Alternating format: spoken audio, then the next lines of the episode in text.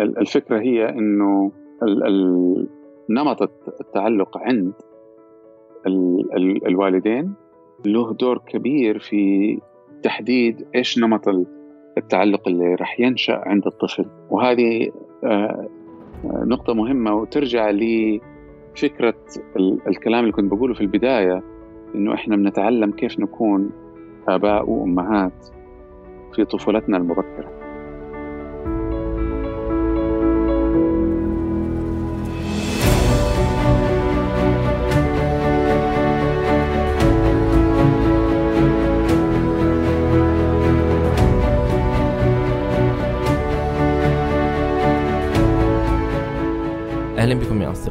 اليوم آه، حلقتنا مع الدكتور ياسر الدباغ وسبق استضفنا الدكتور ياسر. آه، تجدون في وصف هذه الحلقة آه، الخبرات والشهادات التي حصل عليها الدكتور ياسر.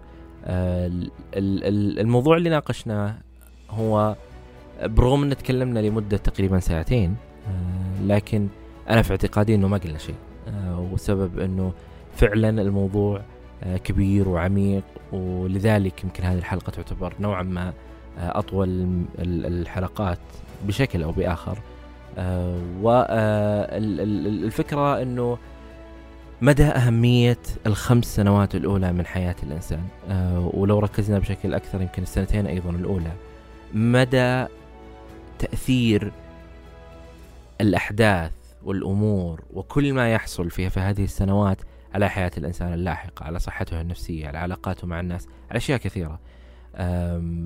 فحاولنا بقدر الإمكان أننا نعرف إيش يحصل في هذه الفترة وهل هي فعلا ذات أهمية أو لا. لا تنسوا يا أصدقاء تقييم البودكاست على ايتونز كذلك مشاركة الحلقات السابقة مع من تحبون. عبر منصات التواصل المختلفة. أي شخص حاب يشارك تجربته معي هنا على البودكاست أتمنى منك أنك تتواصل معي على العنوان البريدي وهو أسامة at وجدان dot co آه لا تنسى دعم البودكاست عبر آه منصة باتريون ودعم مادي آه كان بدعم شهري دولار خمسة دولار عشرة دولار بالمبلغ اللي آه يناسبك. تجد الرابط الدعم في وصف هذه الحلقة. وشكرا لكم. أنا أسامة جيفان وهذا وجدان.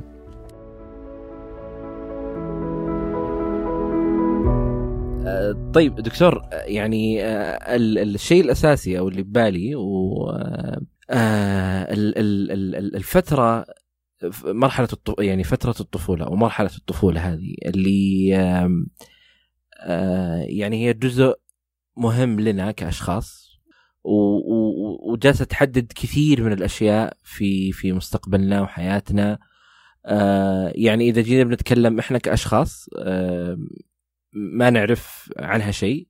إذا جينا كمربين ما ممكن ما يكون لها هذيك الأهمية.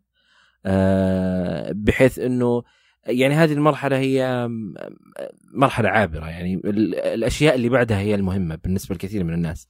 فقبل هل نقدر الآن نحدد مرحلة لما نطلق عليها مرحلة الطفولة كمرحلة عمرية؟ هو طبعا في آه، عدة تعريفات لمراحل الطفولة.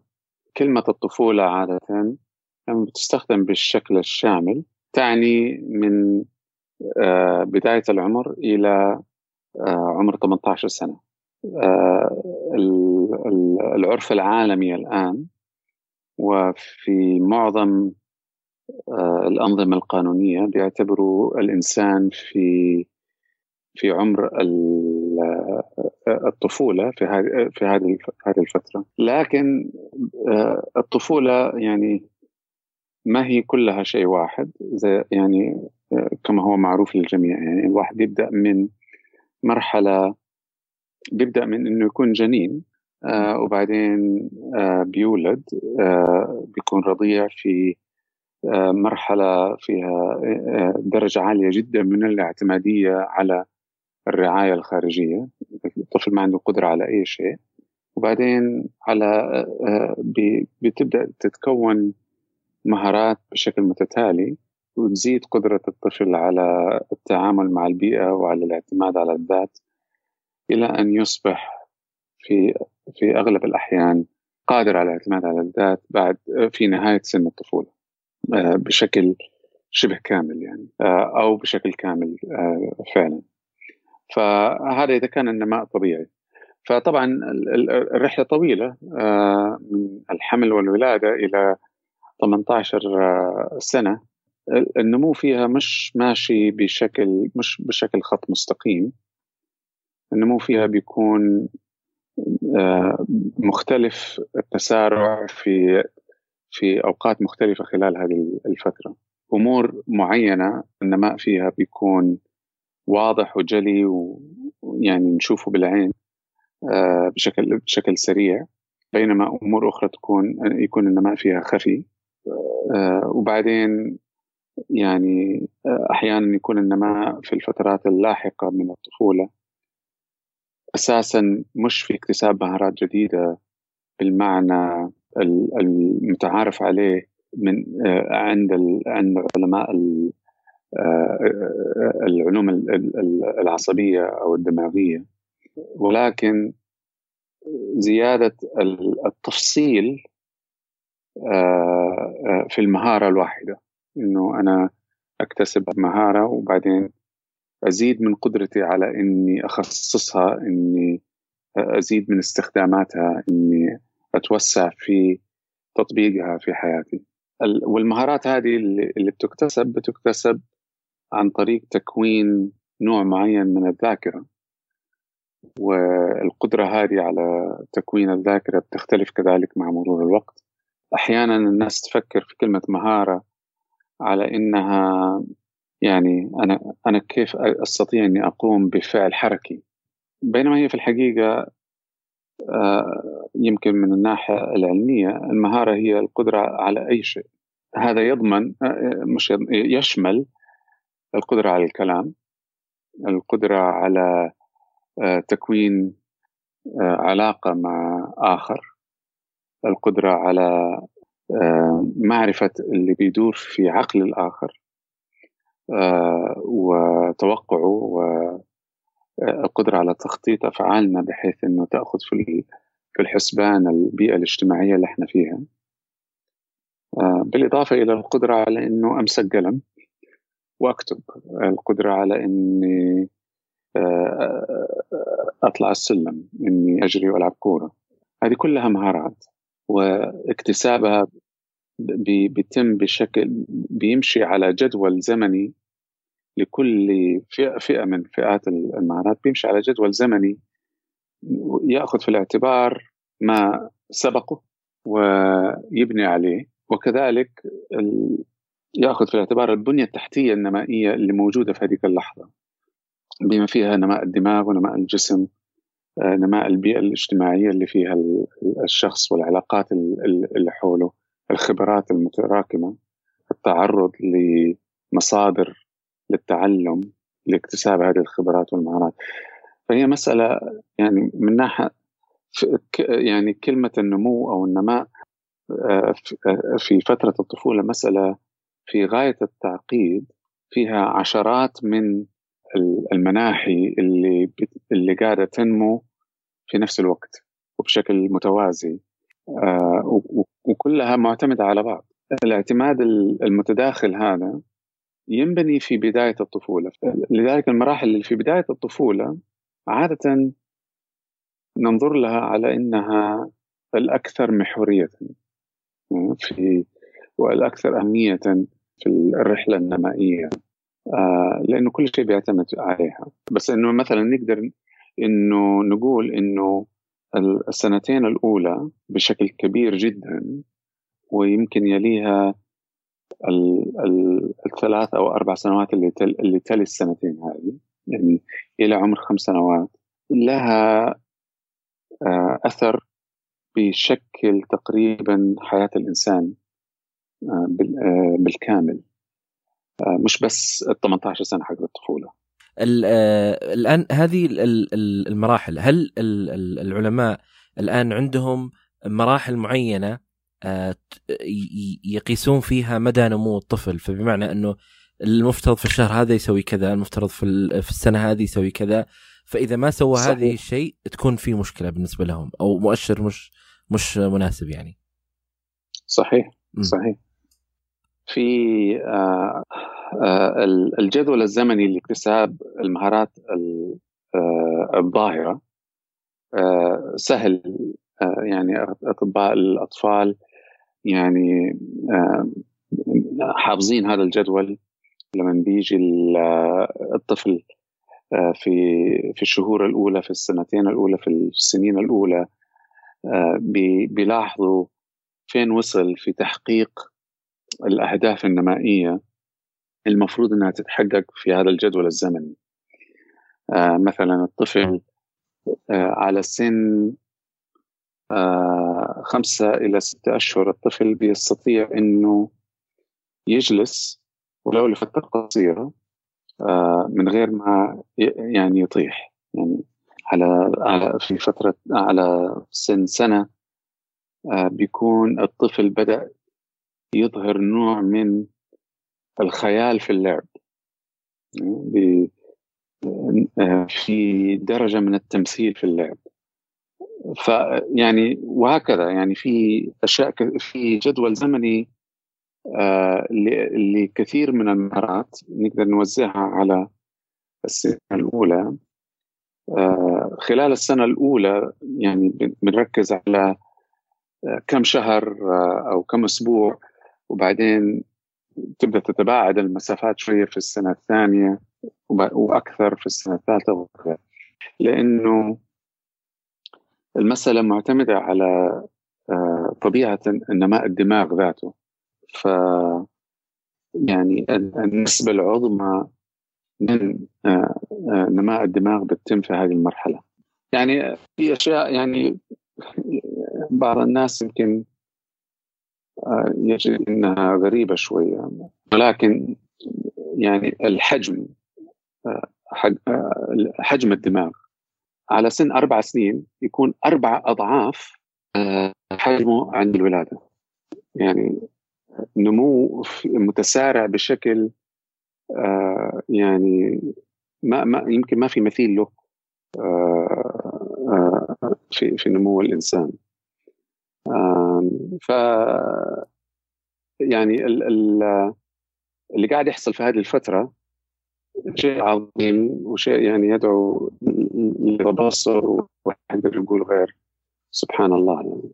آه، في خلال يعني إحنا إذا ممكن برضو بن يعني التقسيمات هذه اللي هي المراحل المختلفة فبرضو إحنا في عندنا أشياء مرتبطة ب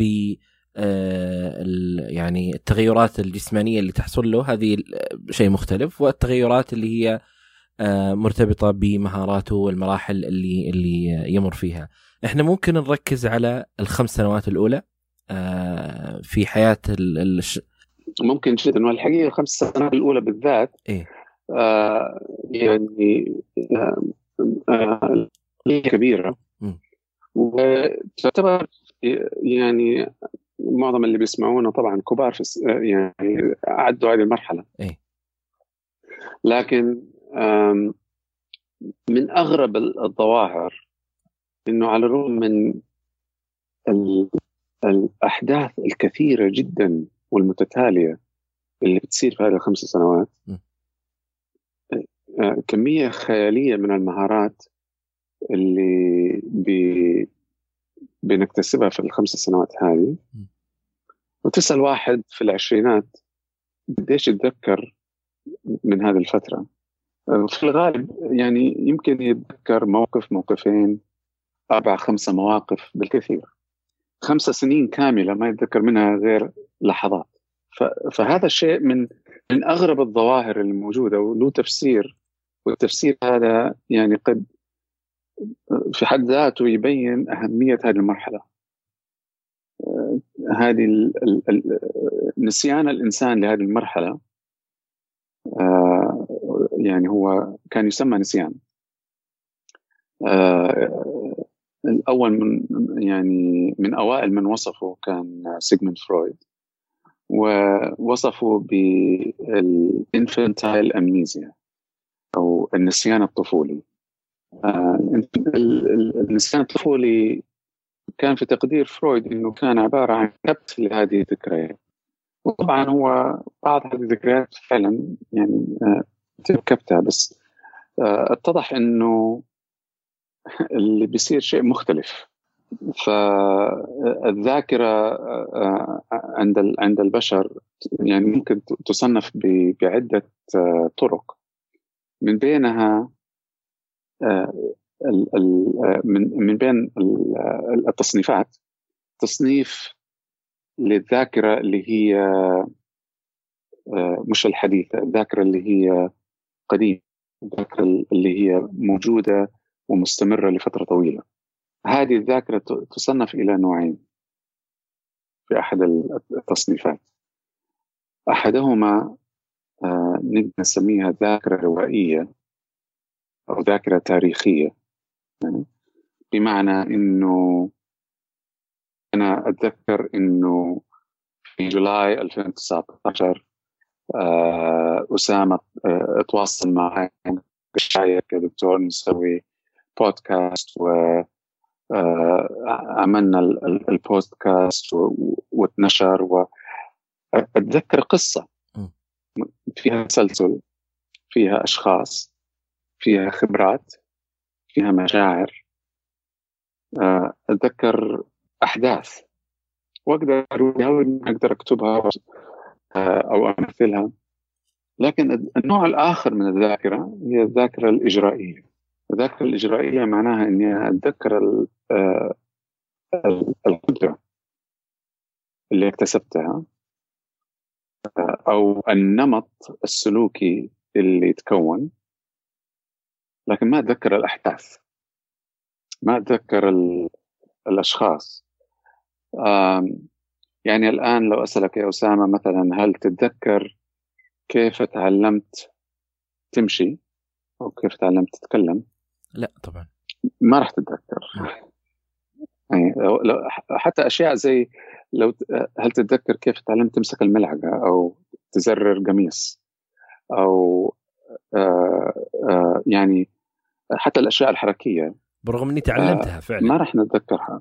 انت تعلمتها. أي. والذاكرة موجودة بدليل انك انت تستطيع انك تقوم بهذا الشيء. فالذاكرة هذه موجودة في الدماغ. الذاكرة الإجرائية هذه ما هي ذاكرة روائية نستطيع إنه نسترجعها ونقول انه والله حدث فلان في اليوم الفلاني أمي كانت بتكرر قدامي كلمة ماما وبعدين أنا كررتها. ما ما حد ذكرها بهذا الشكل اطلاقا. الذاكرة الإجرائية هي الذاكرة المسيطرة على الخمس سنوات الأولى. هي المسيطرة وبالذات هي بشكل متناقص من يعني من يعني من بعد الولادة تتناقص سيطرتها مع الوقت. بس يعني خلال الخمس سنوات الأولى بتكون هي المسيطرة. السنة السنة الأولى تقريبا يمكن ما يبقى منها غير ذاكره اجرائيه وتبدأ تقل بعد كده الذاكره اللي يسموها ال procedural memory أو بالإنجليزي. فالذاكره الإجرائية هذه لا تعني إنه الأمور هذه ما حدثت حدثت. لكن خزنت بطريقة مختلفة.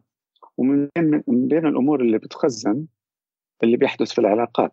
اللي بيحدث مع الأم اللي بيحدث مع الأب اللي بيحدث مع ال ال أنا كيف أكون ابن. آه لما أشوف أمي وأبويا مع بعض كيف الزوج يكون زوج؟ وكيف الزوجة تكون زوجة؟ لما أشوف أمي بت... أنا عمري سنة. لما أمي تربيني انت عمرك سنة؟ إي. هذه الأمور بتتخزن. إيه فكيف أنا جالس أنتبه لها؟ ما أنت قاعد تنتبه لأنك أنت واعي باللي حولك م- كل شيء كل شيء بيصير حولك أنت بيتخزن. ف يعني طبعا لما بتكبر سنتين ثلاث سنين يزيد تعرضك لهذه بتشوف الناس كيف بيتعاملوا مع بعض. أنت بتتعرض لمواقف أكثر أكثر تنوعا مع الأم ومع الأب. أمك بتعلمك كيف تكون أم. سواء أنت ولد ولا بنت أنت بتتعلم كيف تكون أم. سواء انت ولد انت بتتعلم كيف تكون أب. آه الأمور هذه بتخزن عندك في السن آه كلية التربيه الوالدية على عمر سنتين ثلاثة تقريبا. نعم. آه مهارات عندك لما تكبر في تربية أطفالك. آه لأن زي ما أنت بتمشي ما بتفكر أنا كيف بمشي بتتكلم ما بتفكر أنا كيف بنطق الكلمات. المهارات اللي اكتسبتها هذه الفترة يعني المرحلة النمويه هذه في غاية الأهمية. الخمس سنوات الأولى فعلا يعني حتى عملوا تجارب آه يعني بحثيه الاعتبار هذه المسألة مسألة إنه آه طغيان الذاكرة الإجرائية في هذه الفترة. ف يعني يجيبوا طفل عمره أربع سنوات آه، آه، يدخلوه غرفة ويعطوه شيء ويقول له خبيه. فعلا يخبيه. لو جاء ثاني يوم حيحصله. حيقدر حيتذكر فين حطوه. لو جاء بعدها باسبوع حيتذكر آه، فين فين يحصله لكن لو جاء بعدها بسنة ما حيتذكر فين فين فين خباه. لو طبقوا نفس التجربة هذه على طفل عمره ست سنين برضه حتذكر بعدها بيوم حتذكر بعدها بأسبوع حتذكر بعدها بشهر. لو جاء بعدها بسنة حيتذكر فين خباه. إذا ست سنوات بيعرفها. لأنه بي بيحتفظ. بالأحداث بالتسلسل بتسلسل الأحداث يفضل محتفظ فيه. فال يعني كانت تجربة طريفة حقيقة بس تبين فعلا إنه الذاكرة الرئية ما هي فقط من بعد الولادة شغالة من قبل الولادة. من قبل ما يولد الشخص. من قبل ما يولد الشخص. من الأمور العجيبة اللي التجارب اظهرتها إنه الرضيع آه، يتذكر أمور من أثناء الحمل خاصة من الثلث الأخير آه، كيف؟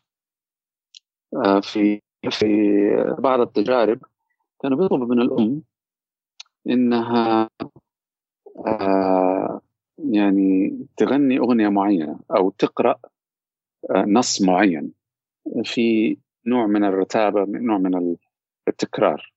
كويس؟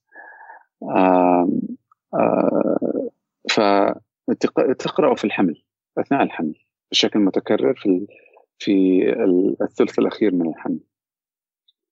وبعد الولادة بفترة يجيبوا شخص مختلف عن الأم آه، يقرأ نفس النص أو يغني نفس الأغنية ويقارنوا ردة فعل الطفل بردة فعل الطفل اللي أغنية مختلفة. أو نص مختلف. ويجد أنه ردة فعل الطفل تظهر أنه الأغنية هذه مألوفة. يعني الذاكرة هذه موجودة من من البداية. وخلقنا بآلية لإكتساب المهارات والاحتفاظ فيها يعني من قبل الولادة بشكل إعجازي حقيقة. فاللي بيصير إنه ترتيب هذه الأهمية للذاكرة الإجرائية إنها تكون طاغية في الفترة الأولى من من الحياة. آه، طبعا حكمته إنه هذه الفترة اللي أنا بتعلم فيها كل مهاراتي. المهارة لو لو كانت آه، آه، بحفظ تسلسل أحداث حيصير زي الأشياء الكثير اللي بيقروها الناس في المدارس وينسوها بعد الاختبار. مش كده؟ إيه. لكن أنت تحتاج المهارات هذه تفضل ثابتة عندك آه، ومحتفظ فيها آه، طول عمرك. فأنا أحفظها كنمط مش ك آه، كقصة صارت. مش مش قصة مش رواية. أنت تحفظها كنمط تحفظها كمهارة كقدرة. يعني لو نفكر مثلا في نماء اللغة نماء اللغة يعتمد على إيش؟ يعتمد على أمور كثيرة من بينها القدرة على النطق القدرة على النطق مسألة عصبية عضلية بمعنى إنه لازم العضلات عضلات اللسان عضلات الحنجرة عضلات الفم عضلات الشفاه إنها تكون نضجت نمت بما فيه الكفايه وكونت مجال حركي كافي. وفي نفس الوقت لابد انه يكون في تكامل بين الوظيفة العصبية اللي بد... والوظيفة العضلية بحيث إنه الدماغ يستطيع يعني يوجه هذه العضلات إنها تتحرك بالشكل المناسب بالسرعة المناسبة بالتسلسل المناسب. لاخراج صوت بطريقة مناسبة. كويس؟ آه أصلا لو فقط درسنا حركة العضلات هذه مساله معقده جدا في تخصص كامل اسمه نطق وتخاطب آه مساله معقدة. هذه يعني رقصة صعبة جدا سيمفونية. لكنها تحتاج كذلك إلى دماغ يستطيع إنه يستقبل الصوت يحول الصوت هذا إلى إشارات عصبية. الإشارات العصبية هذه تترجم إلى معاني والمعاني هذه ترتبط بشيء محسوس أو مدرك آه، في حياة الطفل. يعني في جانب إدراكي كبير جدا الطفل بيستقبل كل الأشياء هذه وبيربطها ببعض وبعدين المعاني هذه ترمز آه، ترمز بحيث إنه يكون يكون في كلمة ترمز لمعنى. فتتكون لغة. واللغة هذه آه، يعني تؤثر على آلية استقبال الأصوات بحيث إن أنا أستطيع أستقبل الأصوات وأفهمها على إنها لغة. وفي نفس الوقت تؤثر على الجهاز اللي بيحرك اللسان وبيحرك الحنجرة وبيحرك آه، الحجاب الحاجز والفم والشفاة وبيتحكم في حركة الهواء بحيث إنها تصدر صوت فيعني في لغة استقبالية وفي لغة تعبيرية بتتكون طيب كيف بيتسلسل الأمر هنا؟ اللغة الاستقبالية هذه بتتكون من البداية ومن الناحية وفي في بعض النظريات إنها بتتكون أثناء الحمل إنها تبدأ تتكون أثناء الحمل لأنه الطفل بيسمع من الشهر الخامس من الحمل الجنين. بيبدأ يسمع. يسمع مش بس بيسمع. يسمع لأمه. م. بيسمع لأمه بيسمع بيسمع لأصوات الأمعاء مثلا بيسمع لصوت نبضات القلب وضخ الدم في الجسم. بيسمع لرتم التنفس عند الأم. لكن كذلك بيسمع للأصوات القادمة من خارج الجسم عند الأم من بينها صوتها هي. آه ومن بينها أصوات الناس المحيطين بها. بيسمع. آه ما عندنا تصور ل آه يعني آه طبيعة الصوت اللي بيصل. لكن أنا توني قلت لك إنه بيتذكر الأغنية اللي كانت أمه بتغنيها أثناء الحمل. إيه. كويس؟ لهذا السبب. فبيسمع. طالما بيسمع والدماغ متكون وعنده آلية السمع وبيقدر إنه يتذكر فمعناها إنه قاعد يتذكر كذلك آه إنه محتمل إنه قاعد يكون المعاني ويكون الرموز ويكون اللغة الاستقبالية على أقل تقدير. ف وبعدين المسألة هذه بتستمر. لفترة طويلة لفترة يعني تصل إلى 10 إلى 13 شهر بعد الولادة قبل ما يقدر إنه ينطق كلمة واحدة. إيه فمن الشهر الخامس إلى بعد 13 شهر من الولادة هو يسمع هو قاعد يستقبل لغة. قاعد قاعد يستقبل ويكون لغة. ها؟ إيه؟ كلها هذه ذاكرة إجرائية. وبعدين فجأة يتكلم. كويس؟ ويقول ماما ولا يقول بابا والناس تتصور في وقتها إنه هذه أول مرة يتعلم الكلمة. بينما هو في في الحقيقة يمكن يتعلم الكلمة قبلها بشهور. في كل مرة في كل بعد كل كلمة ينطقها الطفل نفاجأ إحنا إن الطفل عنده والله كلمة جديدة. بس هذه الكلمة المنطوقة. لكل كلمة منطوقة يمكن يكون في 100 200 500 كلمة غير منطوقة. محفوظة آه، لغويا عند الطفل. آه، ويبدأ الطفل بعد ما يتحرك ويتفاعل و آه، يعني يعني يدخل في معاملات ومفاوضات ولعب و وكل ما يحدث في الطفولة. قبل ما نسمع يتكلم بجمل بنلاحظ إنه والله فاهم إيش قاعد يصير حوله. فاهم إيش الأوامر اللي إحنا بنؤمر بها أوامر هو ما يقدر يقولها لكن يفهمها يسمعها ويحاول يطبقها. يعني النماء اللغوي أحد الظواهر اللي اللي بتأكد أهمية هذه الذاكرة الإجرائية اللي, اللي موجودة من البداية. نمو العضلات دائما أبطأ من النمو الذهني المهارات العضلية تيجي متأخر. ف آه، بنشوف الطفل مثلا كنت بقول لك إنه بيبتسم على على ما بين 6 إلى 10 أسابيع. والابتسام هنا لأنه عضلات الوجه قادرة على إنها تبدأ بشكل في تكامل عصبي عضلي إنها تعبر عن مشاعر الطفل. آه هذا لا يعني ان الطفل قبل كده ما كان عنده مشاعر. بس ما كنا قادرين نشوفها. يعني نفس أه؟ نفس ال ال الكلام دكتور هو أصلا ماما وبابا موجودة عنده بس ما جاء موجودة. ما تكون ال ال يعني التكوين العضلي عنده اللي يقولها في هذا الوقت. ولا هو عارفها أصلا. بالضبط.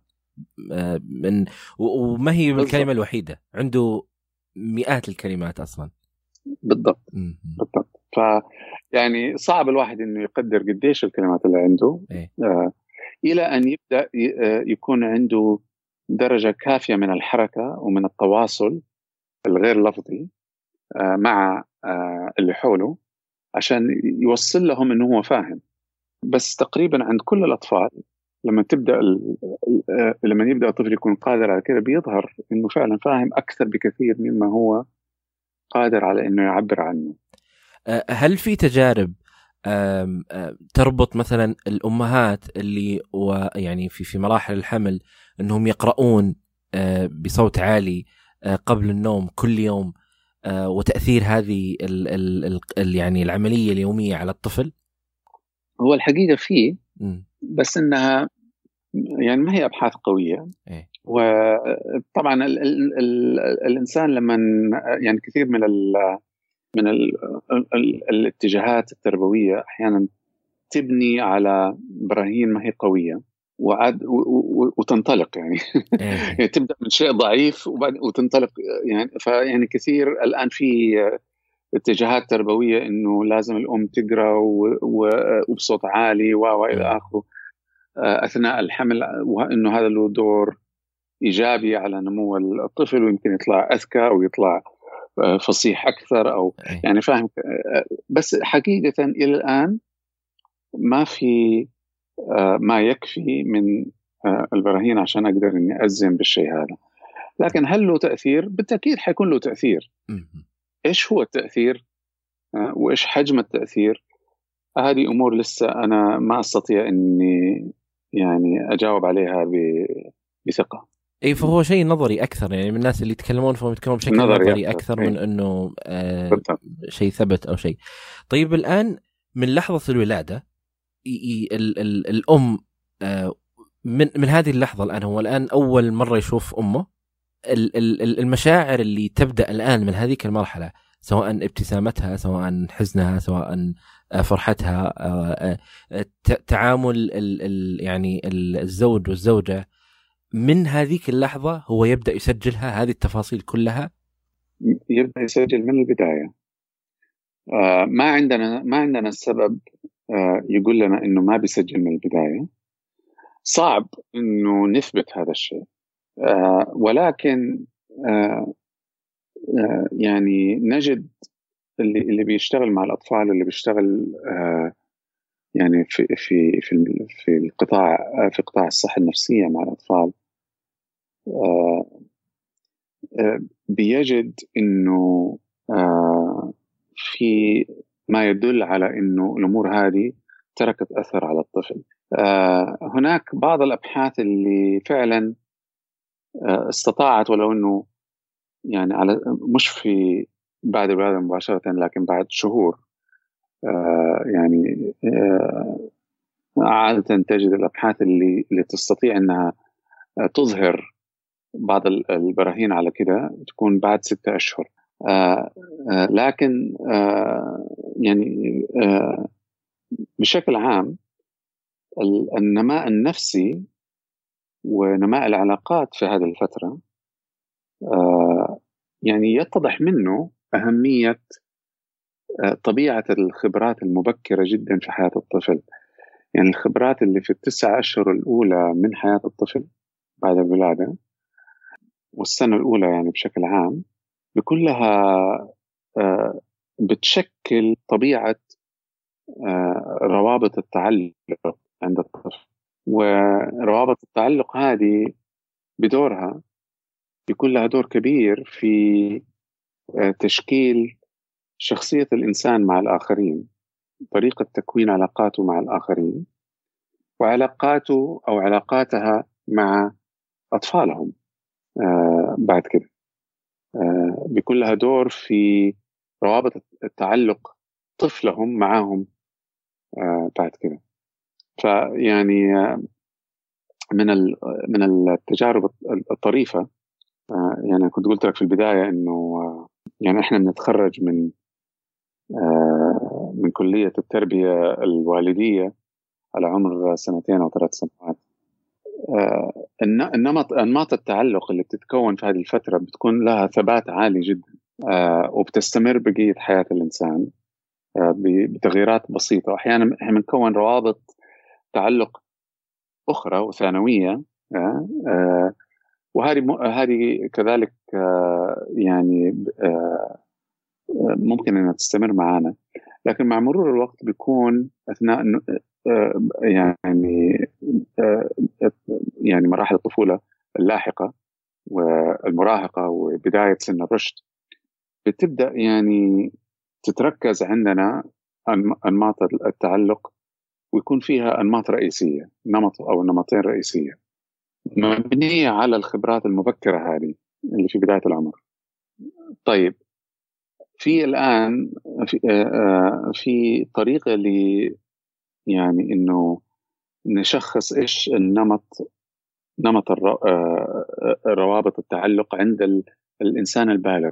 فمن التجارب الطريفة إنه جابوا حوامل وصنفوا روابط التعلق عندهم ووجدوا إنه روابط التعلق عند الأم قبل ما تلد الطفل.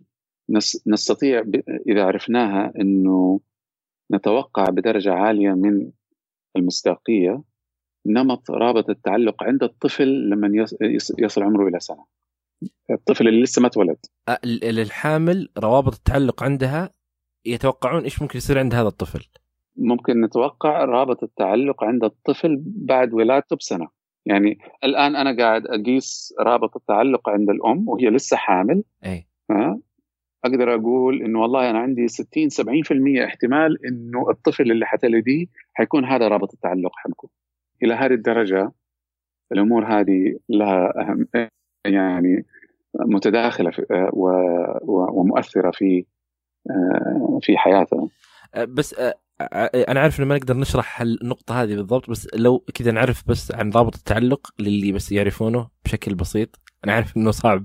بس إيش الفكرة لما لما يسمع أحد؟ وش يعني إيش رابط التعلق؟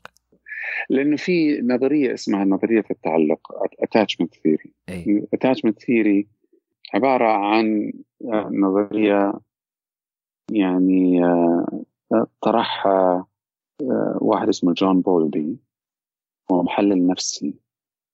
آه، يعني بدأ يتكلم عن نظرية التعلق في الخمسينات من القرن الماضي.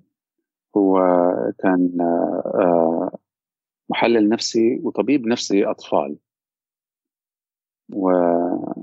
ودرس آه، حالات الأطفال آه، آه، ووصل إلى هذه النظرية. والنظرية يعني حقيقة تصف كان الهدف منها في البداية إنها تفسر ظواهر شافها بولبي. من بينها بعض السلوكيات عند الأطفال الجانحين. من بينها ما يحدث للطفل عندما ينفصل عن أمه لفترة طويلة عندما يفقد الأم وجد أنه بيمر بمراحل يعني نفسية وسلوكية معينة يعني شديدة جدا. آه، وبتتغير آه، بيتغير تكوين شخصية الطفل تماما. وبالتالي صار يصف صار يحاول إنه يفهم دور الأم في تشكيل شخصية الطفل في تشكيل يعني الاستقرار العاطفي عند الطفل قدرة الطفل على تكوين روابط عاطفية مع الآخرين قدرة الطفل على أنه يشعر بالآخر.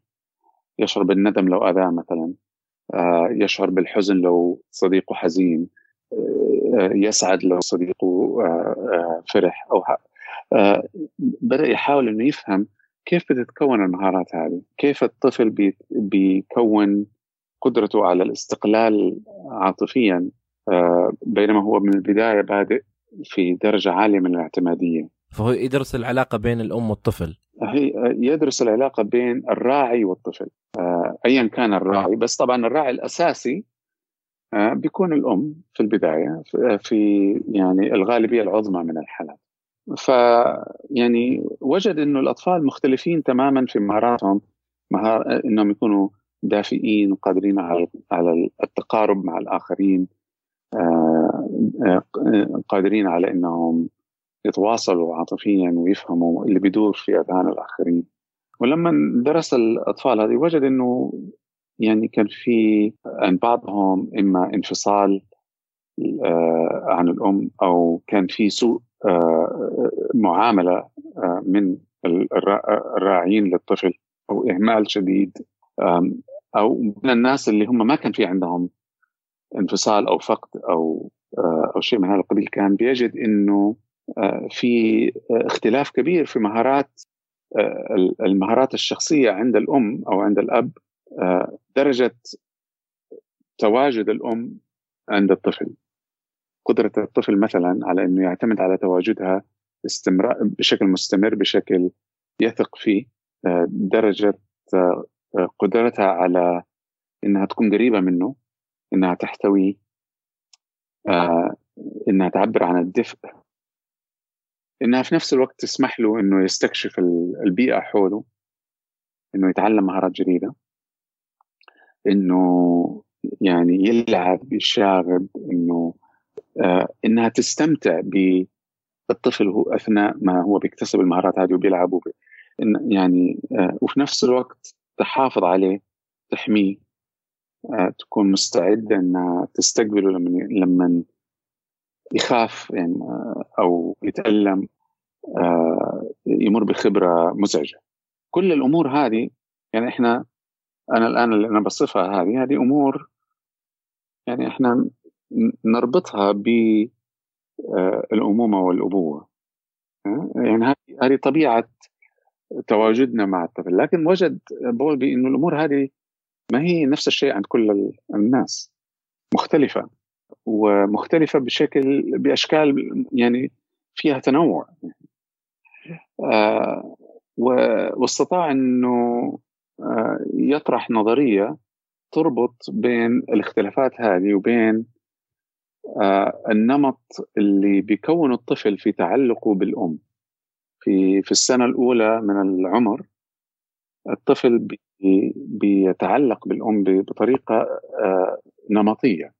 بطريقة هو استطاع إنه يقسمها لعدة أنماط وشاف إنه الأنماط هذه مرتبطة بأشكال معينة من التعامل من الأم. وفعلا بعد كده آه، إحدى التلاميذ آه، اسمها آه، ماري أينزورث وضعت آلية لفحص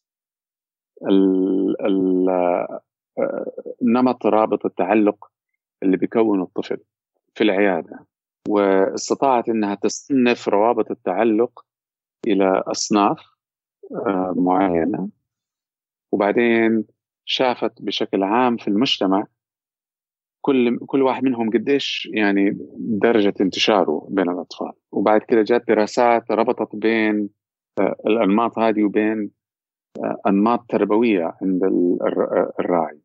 فنظريه التعلق هذه أو الاتاتشمنت ثيري أصبح لها أهمية كبيرة جدا مع مرور الوقت. آه، هي إحدى النظريات المتعلقة بالنظرية التحليلية. ولها يعني دور مهم لأنها من النظريات التحليلية اللي هي قابلة لأنها تدرس بشكل مخبري. نقدر نقيسها ونقيس التغييرات اللي بتصير فيها بملاحظات وبطرق يعني علمية واضحة. ف نمط التعلق اللي بينشأ عند الطفل زي ما يعني كنت بقول له علاقة وثيقة بطريقة التربية أو طبيعة آه، آه، التعامل مع الأم أو مع الأب أو الراعي ايا كان. ولكن نمط التربية عند الراعي كذلك مرتبط بنمط التعلق اللي هو نشأ عليه. ف آه، فلذلك هي حلقة يعني متصلة. في عوامل أخرى طبعا ما هو فقط الأم إيش بتسوي؟ كذلك الطفل إيش بيسوي؟ يعني الطفل بيولد بيكون عنده آه يعني صفات ولد بها وهذه تسمى بالإنجليزي temperament يعني أنا ما أعرف إيش الترجمة المناسبة لها آه بالعربي لكن ال ال ال يعني هذه هذه صفات آه تلقائية موجودة عند الطفل ميول مثلا آه ميول أعلى للخوف من أي شيء جديد عند بعض الأطفال. آه، أو آه، ميول لتقبل الأشياء الجديدة عند الاطفال الاخرين آه، صعوبة في إنهم يهدأوا إذا حصل لهم نوع من التحفيز أو الاستثارة. أو سهولة في إنهم يهدأوا إذا استثيروا. وهكذا. يعني في أمور بيكون مولود بها الطفل. وهذه بتختلف من طفل للثاني وبيكون لها دور كبير في التأثير على الأم والأب والراعي. وبالتالي بتستثير عندهم هم أمور معينة. ف يعني بتتداخل في خبرة الطفل اللي بتؤدي في النهاية تكوين نمط التعلق. فهي هي مسألة معقدة شوية معلش يعني أنا يمكن دخلت في تفاصيل كثيرة آه، جدا هنا. لكن الفكرة هي إنه أنماط التعلق هذه ناشئة في فترة حرجة جدا من الطفولة. هي بتنشأ آه، بشكل أساسي في السنة الأولى وإلى حد آه، يعني أقل من كده في إلى إلى نهاية السنة الثانية. وبتظل ثابتة إلى حد كبير. ف بيكون لها دور كبير في تكوين شخصية هذا الطفل. أي. وطبيعه العلاقات اللي بيكونها بعد كده الطفل هذا. آه، فاحنا الآن يعني هذه كلها بس عشان آه، نبغى نعرف. أنا عارف يعني يمكن نظرية التعلق أصلا هذه لا يكفي لها لا بودكاست ولا اثنين ولا ثلاثة يعني يعني آه، قصة يعني لحالها. لكن لكن إحنا نرجع للموضوع الأساسي اللي هو إنه كنا نتكلم إنه كان في تجربة على الحوامل بحيث إنه يعرفون هذه الأنماط حتى قبل ما يولد هذا الطفل يعني آه، إلى 70% أنت قلت لي إنه إنه يعرفون هذا ال ال ال آه، هذا النمط أيوه يعني هي النسب تختلف على حسب الدراسة اللي اتعملت أيوة. ولكن آه، يعني الفكرة هي إنه نمط التعلق عند الوالدين له دور كبير في تحديد إيش نمط التعلق اللي راح ينشأ عند الطفل. وهذه آه، نقطة مهمة وترجع لفكرة الكلام اللي كنت بقوله في البداية إنه إحنا بنتعلم كيف نكون آباء وأمهات في طفولتنا المبكرة. في أول سنتين. في أول سنتين من حياتنا. بمعنى دكتور الآن لو أبقى لو أحط نسبتين بين مثلا بين إنه أنا رحت قريت وتعلمت وأخذت معلومات كثيرة عن التربية و بالسنتين هذه بس اللي أنا يعني السنتين هذه فقط في مقارنة أصلا بالموضوعين هذه؟ ما في مقارنة. إي لأنه هذه أنت تتكلم عن شيء لا إرادي يحصل. بالضبط. آه تلقائي بيكون هو ال ال ال الطبع اللي اللي بدنا نتطبع عليه. بيكون ناتج عن خليط من خبرات الطفل في السنتين الأولى مع آه، الرعاة آه، اللي اللي نشأ عندهم. وبيصبح هذا هو الأساس بداية المهارة. يعني بيحدث عليها إضافات أثناء الطفولة. إحنا بنكون علاقات مع مدرسين مع أعمام خالات مع آه، أصدقاء مع كبار آخرين. كل الأشياء هذه بتضيف آه، آه، لنمط التعلق عند البالغ. بس الجزء الأكبر بيكون في السنين الأولى من حياة البالغ. ثم الأشياء اللي بنتعلمها عن يعني في المدارس في الجامعات في الكتب من لما نروح أقابل أخصائي نفسي أو طبيب نفسي ويديني نصائح في التربية الأشياء اللي بنتعلمها هذه بتضيف كذلك. لكن يعني لو بدي أشبهها ب آه، آه، بتشبيه إحنا بنتعلم كيف نمسك أي شيء بين السبابة والإبهام بالأسبوعين هذه فقط دون عن باقي الأصابع. آه، على عمر تسعة أشهر في معظم الأحيان. على عمر تسعة أشهر. بعد كده بن بن بنعدل شوية في المهارات الحركية بحيث إنه أنا مو بس أعمل كده أقدر أمسك قلم وأعمل خط على ورقة. وبعدين نعدل فيها والخط هذا يصير كلمة. وبعد عشرات من السنين من ال من ال التعديلات المتراكمة أقدر أكتب كتاب. لكن المهارة بدأت بإيش؟ بدأت بإني أمسك شيء بين السبابة والإبهام. لأني أنا انتقلت من الصفر إلى أن أمسك شيء آه، بالسبابة آه، والإبهام. كل التغييرات اللاحقة لذلك أقل من 10% من تعلم اللي حصل.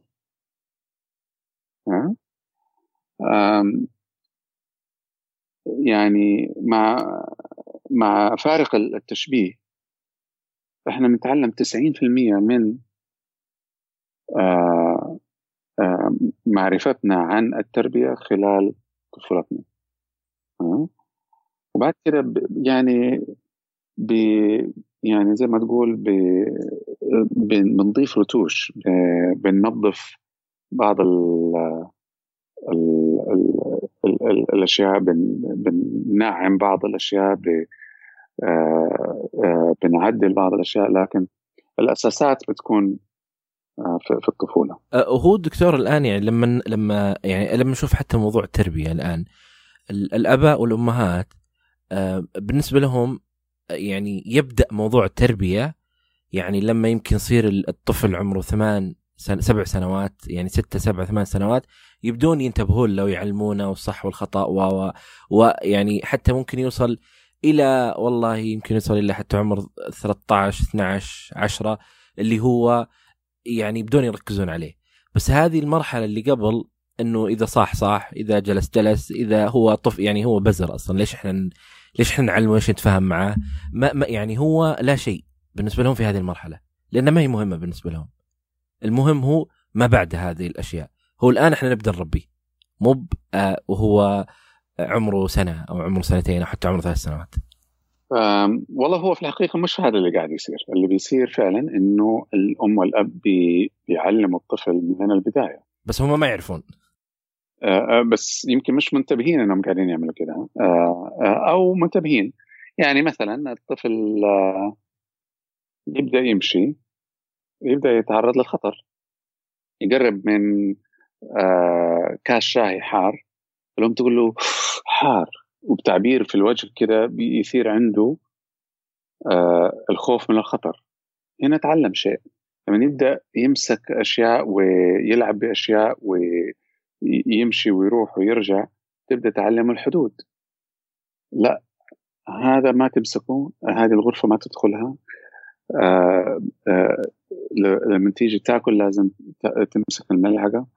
آه بتعلمه حدود وقواعد لازم يمشي عليها.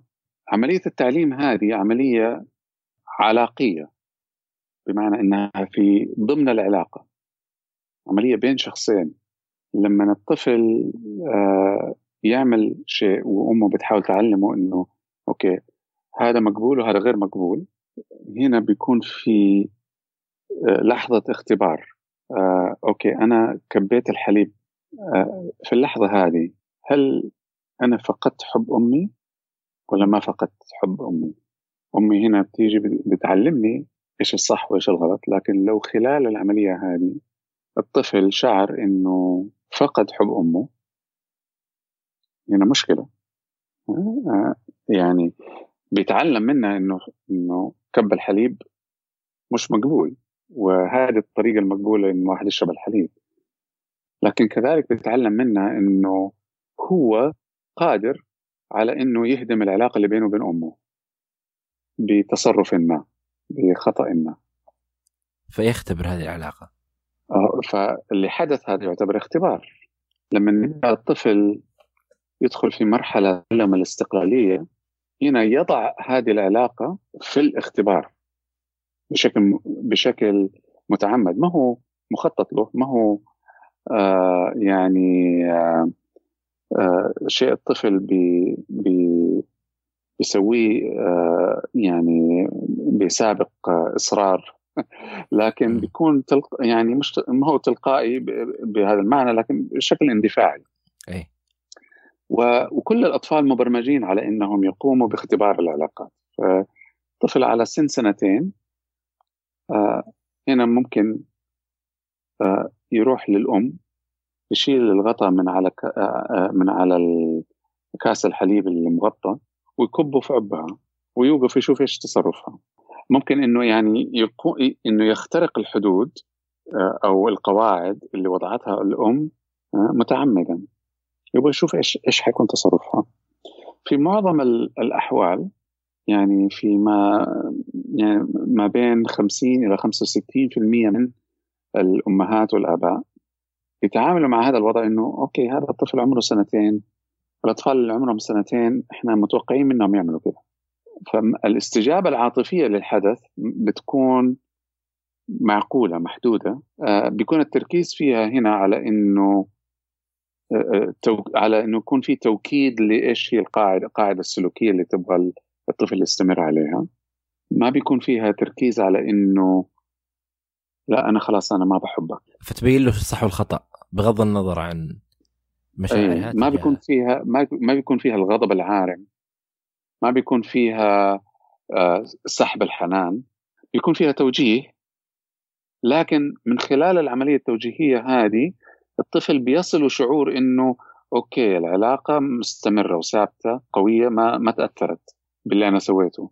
الطفل بيمر بمرحلة من التك... من الاختبار المتكرر للعلاقة ما بين سنة ونص إلى أحيانا ثلاث سنوات.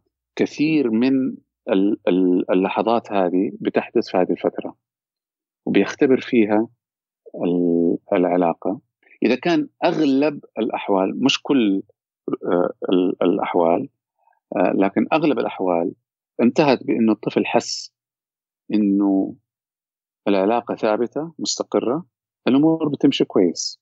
وهذا بيدل على أنه رابط التعلق هنا كان إلى حد ما من النوع المستقر. لكن إيش المشكلة لما تكون أغلب الأحيان إنه ردة الفعل ما بتكون هادئة بتكون عصبية بتكون غاضبة بيكون فيها حرمان من الحنان بيكون فيها عاطفة أكثر من اللي يستطيع الطفل إنه يتعامل معها. وهذه طبعا يعني تعتمد على طبيعة شخصية الراعي وقدرة الراعي على تنظيم مشاعره. الأم هنا لو لو 60 70 80% من الأحيان كانت بردود فعلها بهذا الشكل فهذا بيدل على إن بيدلل بيقول بيقول للطفل الرسالة اللي بتصل للطفل أنا عندي القدرة إني أهدم علاقتي مع أمي. علاقتي مع أمي غير مستقرة غير ثابتة متذبذبة. فأنا هنا إما لازم أنا أحافظ عليها بنفسي مسؤوليتي أنا اني أحافظ عليها أو أفقد الأمل في إني أستطيع اني أحافظ عليها. فهنا تنشأ بعدها آه، أنماط من التعلق تعتمد على أي اتجاه اتجه في الطفل هنا. وكذلك تنشأ عنها سلوكيات مخ يعني آه، بنشوفها في الطفولة. من بين الأمور اللي ممكن تنشا عنها في الطفولة السلوك العنيد إنه يبدأ الطفل يختبر آه، العلاقة بشكل متواصل. يعني وكأنما الأطفال مولودين ما عندهم إلا اختبار نوع واحد من الاختبارات اللي بيعرضوا الأم والأب له. أنا ححاول إني أهدم علاقتي معك يا أمي. إذا أنا فشلت في إني أهدم العلاقة يصير أنت نجحتي في الاختبار. إذا ما نجحتي في الاختبار هذه نتيجة غير مقبولة عندي. أنا ح... حأعطيك فرصة ثانية وثالثة ورابعة وألف ومليون. إيه. وأفضل أستمر في اختبار العلاقة آه، لأني غير متقبل لفكرة إنه أنت مش قادر تنجحي في هذا في هذا الاختبار. طبعا الطفل اللي عمره سنتين أو ثلاث سنين يعمل سلوك بسيط زي المثال اللي أعطيتك إياه يعني. إيه. لكن الطفل اللي عمره عشر سنين عنده قدرات يعني متطورة يستطيع انه يختبر العلاقة بطريقة أكثر حدة أكثر خطورة أكثر آه، إثارة للمشاعر. فردة الفعل بتكون أقوى أكيد. يعني إذا كانت ردة الفعل هذيك كانت قوية فما بال الآن يعني. بالضبط. فاللي قاعد يصير إنه دخلنا في حلقة مفرغة ويستمر الوضع هكذا دواليك بين الطفل والأم آه، في مراحل الطفولة اللاحقة هذه. فهذه من بين الأمور اللي ممكن إنها تحدث يعني. بس طبعا الاحتمالات كثيرة جدا يعني. أنا أنا بس اخترت لك أحد الاحتمالات. إيه. احتمالات كثيرة جدا. ما ما في آه، يعني ما لها آه، يعني ما ممكن أحصيها. بس هذا يعطي يعطيك فكرة عن أهمية الفترة هذه من الناحية النمائية في تكوين شخصية الطفل وعلاقة الطفل مع الوالدين. هو طيب الآن الطفل إيش أكبر مخاوفه في هذه المرحلة؟ بحكم أنه يختبر هذه العلاقة. أنه يخسر العلاقة القائمة؟ نعم. أنا من الناس اللي يؤمنوا أنه الطفل ما عنده أي إدراك لأهمية استنشاقه للهواء. أي أهمية ما عنده أي إدراك لأهمية الأكل والشرب. يشعر بأهمية الأكل والشرب لحظة ما يقرص الجوع والعطش فقط. لكن الطفل 24 ساعة وحتى هو نايم استقرار علاقته مع الأم هو حياته. الحياة معناها أنه يكون في علاقة مستقرة مع الراعي. أهم شيء عنده وبالتالي أكبر كابوس عنده أنه تكون المسألة هذه مهددة أو غير مستقرة. آه ليش أنا كأني جالس أسمع ال borderline personality الشخصية الحدية طبعا آه، وكل آه، وكثير من الشخصيات المضطربة بيكون لها جذور في الطفولة. الجذور هذه ما هي فقط متعلقة بالبيئة التربوية اللي مر فيها والعلاقات مع الرعاة والظروف اللي مر فيها الطفل. بيكون لها بيكون في ميول وراثية ميول بيولوجية آه، متداخلة في هذا الموضوع. آه، الميول هذه آه، من جهة قد يكون لها دور في زيادة احتمال حدوث بعض الأمور في العلاقة بين الأم والأب وبالتالي نشوء روابط تعلق يعني غير سوية. ومن جهة نشوء الروابط التعلق هذه بتأثر على العوامل البيولوجية وتغيرها بحيث إنه باقي نماء الطفل يستمر في اتجاه معين. فهي يعني التأثير متبادل. الميول البيولوجية تأثر على البيئة والبيئة تأثر على الميول البيولوجية بشكل متواصل آه، في حلقة متواصلة آه، بين الاثنين. آه، ما نستطيع إنه نلوم شيء واحد لتكوين شخصية يعني تنطبق عليها الشخصية الحدية أو الشخصية النرجسية أو أي نوع من أنواع الشخصيات اللي فيها اضطرابات. يعني الآن في كثير من يعني في كثير من الاضطرابات النفسية يعني إحنا مثلا نتكلم الآن عن ال ال ال الحدود هذه نتكلم مثلا نتكلم عن الخوف بحد ذاته لما تكون الأم جالسه تخوف ولدها من كل شيء حولها يعني وتكون ردة فعل مبالغ فيها بالنسبة للحالة اللي صارت هناك. فمثلا زي الشخص بيلمس الحار فقالت له لا تلمس الحار أو يعني كان مؤشر واحد عكس لا إنه كان ممكن في ردة فعل كبيرة. هل هذا ممكن يتطور عنده إنه يكون شخصية قلقة أو يبدأ عنده خوف معين غير مفهوم بالنسبة له؟ ممكن جدا. بس إنه الشخصية القلقة يعني في يعني طرق كثيرة ممكن تؤدي إليها.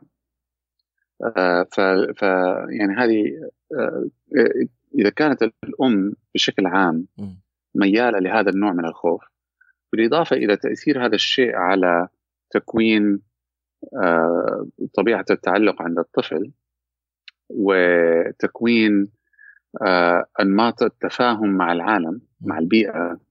إنه البيئة هذه مخيفة مرعبة أنا لازم أحمي نفسي منها. آه، هذا ممكن فعلا إنه يحدث عند عند الطفل. لكن احتمالية حدوثه تعتمد على قابلية الطفل انه الشيء هذا يحدث.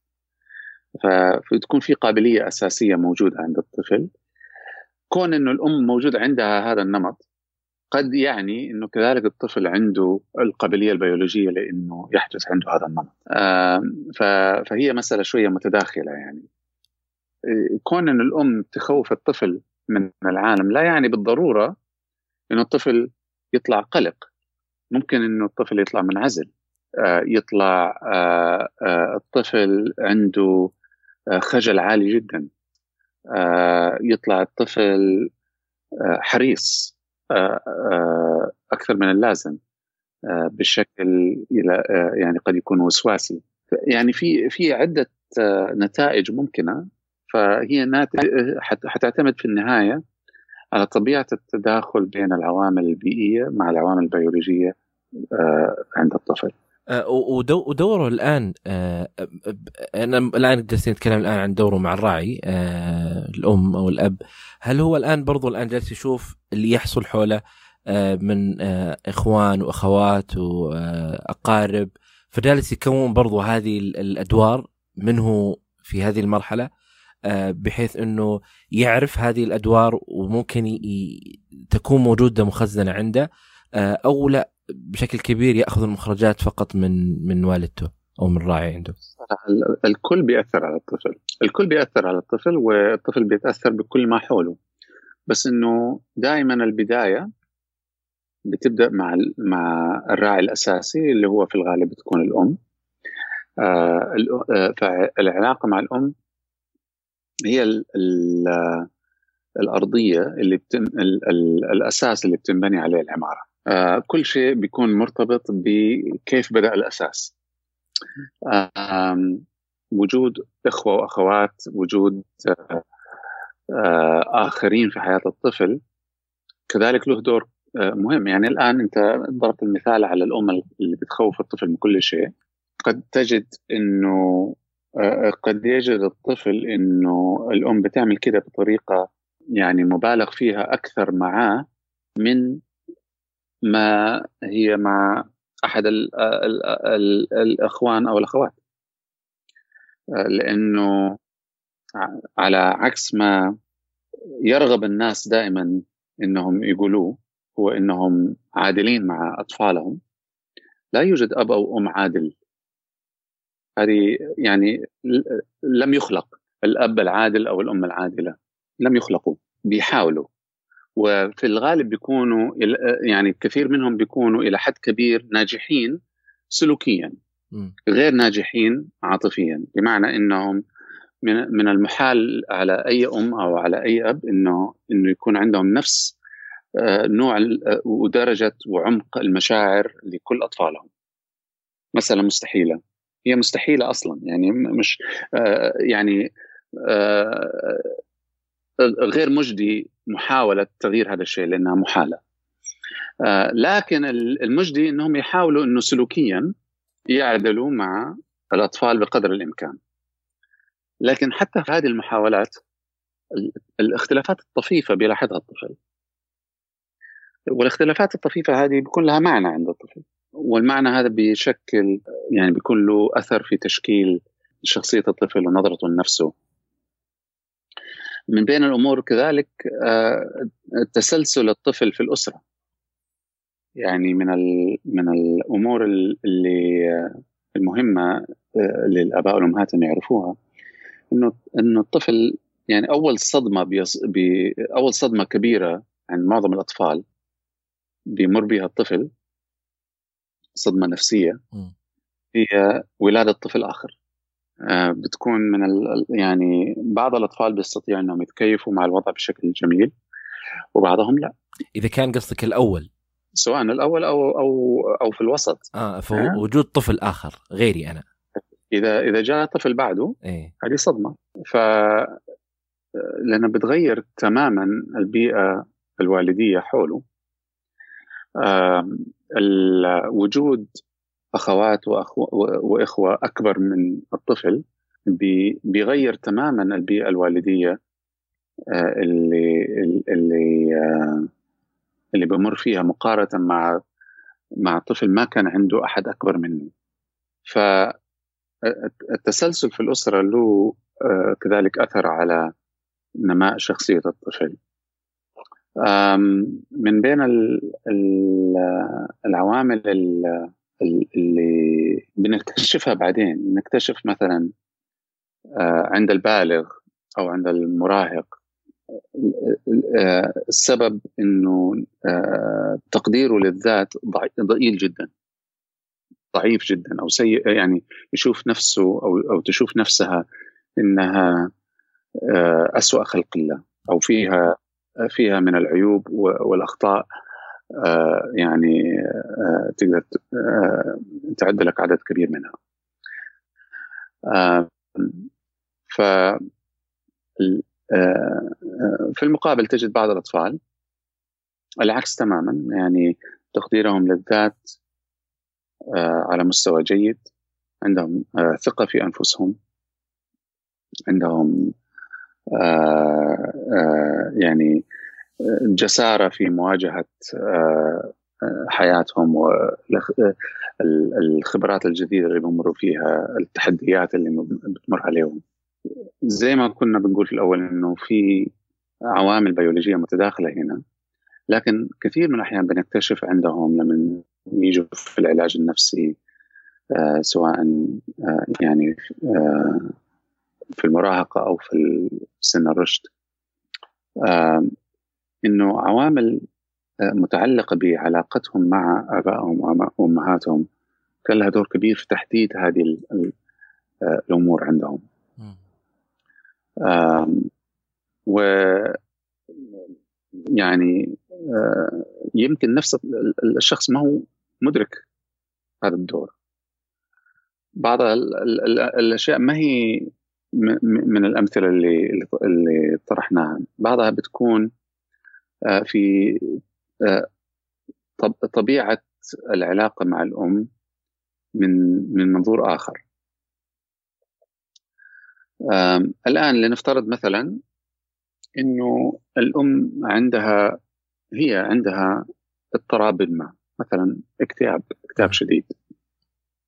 أو آه الأسرة مرت بظروف صعبة جدا. آه آه خلال السنين الأولى من حياة الطفل. يعني في في ضغط نفسي عالي في الأسرة. آه بحيث إنه آه وجود طفل كان يعني إضافة على هذا الضغط. يعني كان ممكن إنه الأم أو الأب آه يعني آه ينهاروا مثلا إذا آه إذا كان الطفل احتياجاته عالية أو احتياج أو متعب في التربية أو فاهم قصدي؟ فبعض الأطفال يعني يشوف الأم أو الأب في هذه ال...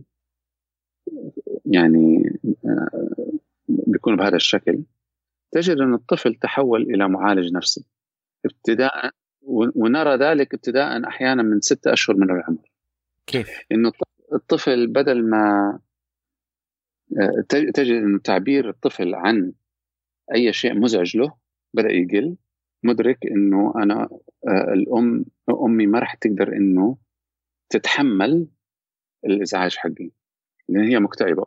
تجد انه الطفل بيحاول إنه أحيانا بأشكال بدائية جدا وعلى على القدرة اللي اللي يقدر عليها إنه يخفف عن الأم. آه ف آه ممكن بعد كده لما يكبر الطفل إنه يبدأ ما يعبر عن احتياجاته ما بدي أزعجهم. آه يعني فيهم اللي يكفيهم. أو أخاف أزعجهم يقوم هم يتوتروا. وإذا توتروا أنا أخاف عليهم إني أفقدهم أو أفقد العلاقة هذه. لأنه أبوي إذا إذا توتر ممكن إنه يعصب و... و... ويصير عنيف ولا يصير ولا يخرج من البيت. يعني فالطفل هنا يبدأ يتصرف ب... ب... بشكل استباقي. ليحافظ على العلاقه للحفاظ على العلاقات الرئيسية في حياته. حفاظ على استقرار الأسرة. ونجد تصرفات طبعا هي بدائية. كل ما كان الطفل صغير لكن لما يكبر تبدأ تكون أكثر آه يعني آه آه تطورا وتعقيدا. فمن من الأشياء اللي أحيانا نشوفها مثلا تجيني الأسرة آه البنت آه، ما بدها تروح المدرسة. أول ما تروح المدرسة تتصل آه، تعالوا خذوني. تبغى ترجع تبغى تقعد في رفض المدرسة له أسباب كثير. أحد أسبابها إنه البنت قلقانة على أمها. ما أبغى أتركها وأروح المدرسة أنا بكون عندها عشان أمي لو سبتها لحالها يمكن الاكتئاب هذا يخليني أفقدها أو يمكن مرضها هذا يخليني أفقدها أو يمكن هي تتركني وتمشي. أنا ما أقدر أضمن إنها تفضل موجودة في البيت. تقوم تخاف تروح المدرسة. فيعني تبدأ تتكون أمور في شخصية الأطفال متعلقة بالطبيعة الدينامية أو الديناميكية لعلاقتهم مع الآباء والأمهات.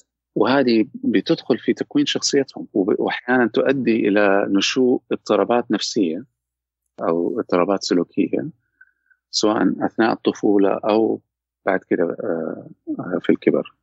يعني هي هل مثلا نفسها إذا كان مثلا أحيانا الطفل إذا يعني أذكر إنه كان في التجربة اللي عملت إنه لما الأم تخرج من الغرفة اللي كانت موجودة فيها فبعض الأطفال كان يبكي بعض الأطفال ما كان يبكي. قد يكون عندنا الآن طفلين عندنا طفل يبكي لأنه خايف على أمه إنها تتركه والطفل لا خايف إنه لا إنه يخلي أمه لحالها.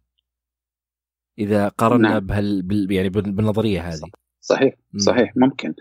آه، إذا آه، إذا كنت أنت بتتكلم على ال ال يعني عملية ال ال strange situation اللي هي إيه. آه آه يعني الوضع الغريب اللي اللي هي التجربة اللي سوتها ماري إينزورث علشان تستطيع أنها تصنف الروابط عند الأطفال. آه هذه على بتكون على يعني في سن صغيرة في سن سنة. أي. وهنا ما هو ما هو ممكن الواحد يعرف هل الطفل خايف إنه يفقد أمه ولا خايف إنه آه, آه، خايف عليها من إنها ما تكون قدام عينه. لكن نستطيع إنه نس يعني إنه إنه نفهم أكثر إيش اللي حاصل عند عودة الأم. لما يرجع لما يلتقوا مرة ثانية.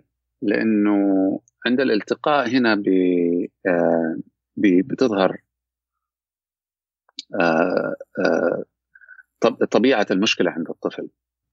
ف يعني بيكون أك... بيكون آه متوتر بيكون صعب تهدئته آه بيكون ملتصق بالأم. آه آه بيكون آه خايف إنها تمشي مرة ثانية. آه هذا هذا بيكون فعلا قلقان آه بحيث إنه يشعر إنه لازم يجتهد في الحفاظ على هذه العلاقة. يعني ممكن الطفل لما ترجع الأم إنه ما يعيرها أي اهتمام أو يعبر عن الغضب. آه آه يروح يلعب المهم إنها موجودة وخلاص. فهذه هذه ردة فعل مختلفة. الاثنين عندهم روابط غير مستقرة. لكن الطفل اللي بيتجنب آه هنا بيتجنبها لأنه يشعر إنه ما في فائده من المحاولة إنه يحافظ عليها. فالافضل له إنه يعني يعيش لحاله في في بيئته ويشوف إيش اللي حيحصل. فلذلك حتجد اختلافات كبيرة بين الأطفال في في ردود فعلهم في الموقف هذا اللي هو الوضع اسمه الوضع الغريب. ويعني يمكن بالنسبة للمستمعين هو وضع غريب لأنه التجربة فيها ثمانية مراحل من الانفصال والالتقاء والانفصال والالتقاء والانفصال والالتقاء بطرق مختلفة. وبنلاحظ فيها ردود فعل الطفل لفترات قصيرة جدا يعني ثواني دقائق. على أساس نشوف نقدر نقيم طبيعة رابط التعلق مع الطفل. لكن بالنسبة الاكبر من كده يعني ما مو هذا اللي بنتعامل معه. اللي بتروح المدرسة اللي اللي أمها مريضة اللي آآ اللي في ظروف في الأسرة صعبة اللي حصل انفصال أو طلاق اللي يعني الأطفال بعد كده بيستجيبوا بطرق معقدة أكثر. صح متأثرة كثير بطبيعة رابط التعلق اللي في السنتين الأولى. ولكن السلوك السلوك الظاهر بيكون معقد أكثر. ومرتبط بعوامل كثير من بينها طبيعة التعلق لكن كذلك في عوامل أخرى يعني مختلفة عن روابط التعلق. مرتبطة بها لكن غيرها يعني. يعني الفكرة إنه المرحلة هذه تعابيرنا للأطفال تعاملنا معهم كلامنا تجاههم يعني حركاتنا هذه الأشياء كلها جالسه تخزن عندهم. كلها يعني يعني إذا كانت إذا كان الشخص يعني خبرته التربوية تكون في خلال السنتين فهذا يعني أمر مخيف يعني بشكل أو بآخر لكثير من الناس إنه قد إيش تؤثر هذه الفترة وهذه المرحلة اللي ممكن إحنا نتعامل معها على أنه شيء آه بس نعلمه إحنا جالسين نعلمه وجالسين نربيه وجالسين نتعامل معه بس ما في يمكن الوعي بالنسبة لنا إحنا إنه فعلا هي ذات أهمية أو إنه يعني إذا أنا ابتسمت أو ما ابتسمت أو سويت أو ما سويت يعني هو في الأخير طفل. ما يفرق. لكن إذا كانت يعني الإشكالية إنه فعلا تشكل جزء كبير من من من حياته. في النقطة هذه الآن هل ال ال ال الوالد الأم الأم الأب والأب الراعين لديهم القدرة في يعني تعديل هذه الأشياء وت يعني إحنا قلنا انها هي أشياء تلقائية ما يقدرون لكن هل لديهم القدرة إنهم يتعاملون معها بشكل أفضل إذا عرفوا عن هذه التفاصيل؟ هو طبعا زي ما قلت لك في الأول إنه في الأول وفي الآخر ال ال الأب والأم بي بيتعاملوا بعفوية بتطب... ناتج عن تطبعهم خلال نشأتهم. بالضبط. اللي هو مرتبط بطبيعة روابط التعلق هذه. لكن آه، بإمكانهم إنهم آه، يعني زي ما أقول لك زي ما قلت في الأول إنه يعني يعدلوا في بعض التفاصيل. طبعا في أمور ممكن إنه يتعلمها تتعلمها الأم يتعلمها الأب بحيث إنها تتكون عندهم كعادة جديدة كنمط جديد. فهذه أشياء إضافية. يعني نحن أحيانا نلجأ إلى كذا في العلاج آه، آه، آه، لما بنشوف الأطفال إنه نشتغل مع الاباء والأمهات في تكوين عادات جديدة عندهم. صعب. تكوين عادة ما هو شيء سهل خاصة بالنسبة للكبير في السن. ولكن ممكن. يعني ما هو غير ممكن. حجم التأثير حيكون قليل جزئي. بالنسبة لدور الطبع اللي اللي موجود عند الأم والأب. آه ولكن حتى الحجم الصغير هذا ممكن يكون له أثر كبير على الطفل. إيه. لأنه آه أي تغيير في آه, آه، طريقتنا في تربية الطفل. آه، خاصة إذا كان هي جاية بعد سنين من نمط معين تأكد 100% أنه الطفل بيلاحظ أنه إنه في شيء تغير. آه. ومو بس بيلاحظ بيلاحظ وكذلك بيتعلم من اللي يلاحظه وبالتالي آه، بيكون له أثر على الطفل. يعني آه، يمكن ما بعض الأمهات والآباء نحاول نعلمهم مهارة جديدة أو عادة جديدة يمكن ما يستمروا عليها فترة طويلة. يستمروا عليها مثلا بعض الأشياء أسابيع بعض الأشياء شهور بعض الأشياء سنة أو سنتين. طبعا كل ما طالت المدة كل ما كان أفضل آه، في معظم الأحيان. لكن هذه الفترة آه، يعني بالنسبة لأم عمرها 30 سنة واحد على 30 من السنة تعتبر واحد على 30 من عمرها. بالنسبة للطفل عمره ثلاث سنين هذا ثلث عمره. ثلث عمره غيرت فيه شيء كبير آه، آه، من تصرفاتها. وفترة آه، مهمة جدا في في نشأة الطفل. حيكون له أثر كبير. حيكون له أثر كبير على الطفل. بالرغم إنه شيء بسيط من الأم ما هو شيء يعني يعني مثل ما مع إنه رغم إيه. بالضبط إي إنه مثل نفس الفكرة إنه ردات الفعل هذه اللي انت يعني ذكرتها في البداية فكرة إنه في ردة فعل تكون اللي هي ما فيها أي حرمان من العاطفة والتفاصيل هذه وفي ردات الفعل اللي تؤثر بشكل بشكل صحيح. بشكل كبير ف, ف يعني مهما كان التغيير فهو سيؤثر حتى لو كان يعني بالنسبة للأم هو بسيط بالنسبة لها لكن هو حياة الطفل كله. صحيح حيؤثر. والتأثير آه يعني بيختلف يعني من من تغيير لتغيير آه على حسب الحالة وعلى حسب آه الخبرات اللي اللي سبقت هذا التغيير عند الطفل وعند الأم. آه وعلى حسب آه، يعني قدرة إنه يكون في توازن تماشي تكامل مع حالتها العاطفية. آه إنه ما يكون آه سلوكية بتسويه علشان والله الدكتور قال لازم تسوي كذا. آه، يكون في نوع من التوافق مع آه، آه، يعني وضعها العاطفي الداخلي. طيب دكتور هل هل في يعني أنا يعني أتفهم إنه ممكن يكون صعب إحنا تلخيص هذه الأشياء لكن هل في عادات إذا استطاع يعني الأب والأم اكتسابها كعادة صحية.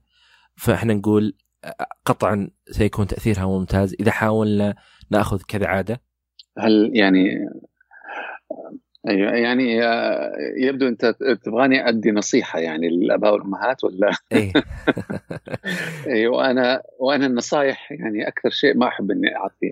اي لكن يعني في أمور يعني قد تبدو عند بعض الناس إنها يعني بديهية وقد تبدو عند الآخرين ما هي غير كذا. كثير من الآباء والأمهات ينظروا للتربيه على إنه إما نمشي على نظام وقواعد واصول وحدود أو دلع بس في واقع الأمر يعني المسألة مش كده اطلاقا. فينا في يعني من من بين الوسائل اللي يعني في دراسات عملت عملت حاولت إنها تصنف النمط الوالدي نمط نمط الرعاية الوالدية. بالنسبة لروابط التعلق في انماط مرتبطة بالنتيجه عند الأطفال. بمعنى إنه إذا نمط الرعاية الوالدية كان ألف حيؤدي إلى نتيجة باء عند الطفل. كويس؟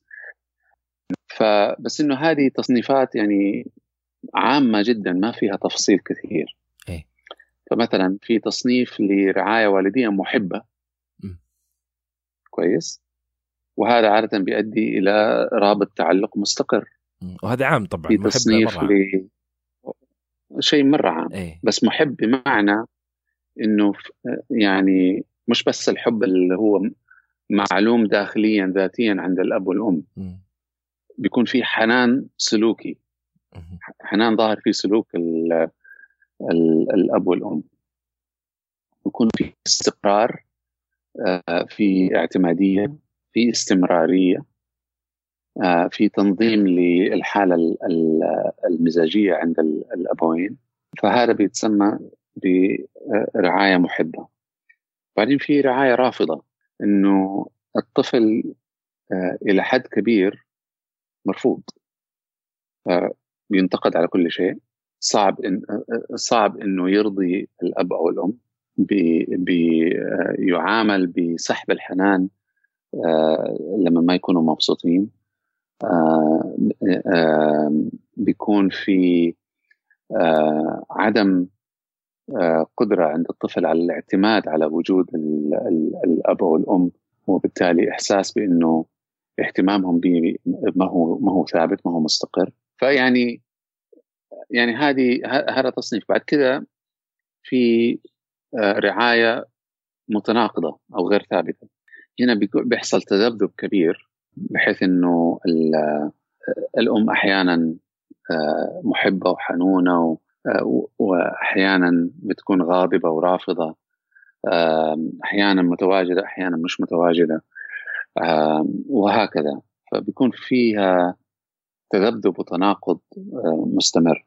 فالرعاية الرافضة بتؤدي إلى رابط تعلق آه، غير مستقر من النوع اللي هو يسموه avoidant آه، resistant اللي هو المتجنب أو المقاوم. المتجنب آسف. بينما المتناقض بيكون من ال anxious resistant بيكون قلق ومقاوم. بينما ال ال ال في فئة يعني إلى حد ما نادرة رعاية والدية شاذة. شاذة بمعنى إنها فيها عنف فيها إهمال فيها تقريع فيها تقريع فيها آه، إساءة تعامل من الناحيه العاطفية من الناحيه آه، يعني مش شرط إنه يكون في إساءة تعامل آه، جسدية. هذه بتؤدي إلى رابط تعلق مضطرب. فلذلك يعني هذه من ناحية طبيعة الرعاية الوالدية ممكن انها تصنف إلى هذه الأصناف. لكن من جهة أخرى في تصنيف آخر للرعاية الوالدية مرتبط بطبيعة السلطة الوالدية. بمعنى اللي قبل كان مرتبط بالتواجد العاطفي بينما التصنيف الثاني مرتبط بطبيعة السلطة الوالدية. بمعنى إيش؟ إنه في شيء اسمه اثوريتيريان هذا آه، متسلط آه، دكتاتوري آه، يعني رعاية تحرم الطفل من حقيه إنه يقرر لنفسه أي شيء أو إنه يكون له أي حرية أو إنه حتى يكون مقبول تفكيره مقبول آراءه مقبولة تصرفاته فبيكون فيها دكتاتورية. لازم الطفل يتوافق بشكل كبير مع رغبة ال ال ال الأم أو الأب. وبعدين في authoritative وهذه معناها آه، مش متسلط أو سلطوي ولكن صاحب سلطة. صاحب سلطة من غير آه، إساءة استخدام لهذه السلطة أو تعدي على الطفل. الأم والأب عندهم حدود واضحة عندهم قواعد واضحة عندهم آه، آداب وأنماط سلوك مقبولة وآداب وأنماط سلوك غير مقبولة. وبيتوقعوا من الطفل أنه آه، يلتزم بهذه الحدود وهذه القواعد. لكن ضمن هذه الدائرة بيتعاملوا مع الطفل كإنسان له مشاعره له أفكاره له آراءه له خبراته له آه، يعني الحرية المناسبة لوضعه ولقدراته وللبيئة اللي هم فيها. وبعدين في رعاية والدية بيرميسيف يسموها اللي هي كيف أترجمها هذه بيرميسيف بمعنى إنها آه. آه، يعني تتيح كل شيء للطفل. كويس هنا ال ال الوالدين فاقدين السلطة مش واضعين حدود مش واضعين قواعد مش واضعين يعني آه، مش مش عاملين سيطرة على البيئة اللي بيعيش فيها الطفل. آه، ولا آه، عندهم سيطرة على سلوك الطفل. بالمرة. ف يعني أو بدرجة كبيرة. فهذه الرعاية اللي هي اللي فيها كل شيء يعني ما ما في لا. بالضبط. اللي هي يعني المطاوعة يمكن. أي. يمكن نسميها بهذا الشكل. رعاية مطاوعة لانها بتطيع الطفل بدل ما العكس يكون هو الصحيح. وبعدين في آه، نمط آه، سلوكي آه، نمط رعاية ما في اهتمام أصلا. يعني ما هو ما هو مهتم بالطفل. فهذه الاربعه أنماط وبتتراوح فيها صعب إن أنا كل أسرة إني أقسمها إنه هذه هذه رعاية سلطويه هذه رعاية آه، ذات سلطة آه، طبيعية هذه مطاوعة أو هكذا. لا عادة بيكون فيها من الصفات هذه يعني خليط من هذه الصفات. لكن إذا مالت الرعاية آه، إلى نوع منهم بيكون في نتائج نقدر نتوقعها في نشاط الطفل. آه، الرعاية اللي هي مرتبطة بأفضل النتائج هي الرعاية ذات سلطة طبيعية. إنه في سلطة إنه أنا أنا الأب أنا الأم أنا مديرة حياتك آه، يا بنتي أنا المديرة. ولكن أنا مش دكتاتورية أنا مش السلطويه انت إنسانة وحتتعلمي كيف تكبري وتصيري زيي. وحتتعلمي آه، آه، ضمن الحدود آه، الموجودة هذه وحتكون لك حريتك فيها. وحتكتسبي حرية أكبر كل ما استطعتي أنك يعني تثبتي اعتمادية أكبر على ذاتك تثبتي قدرة على التعامل مع البيئة الخارجية بشكل أكبر وهكذا.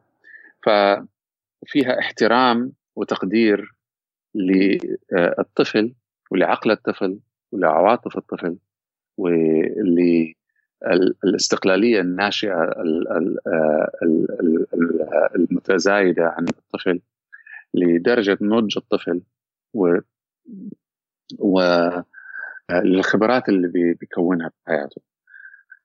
من غير ما يفقد دور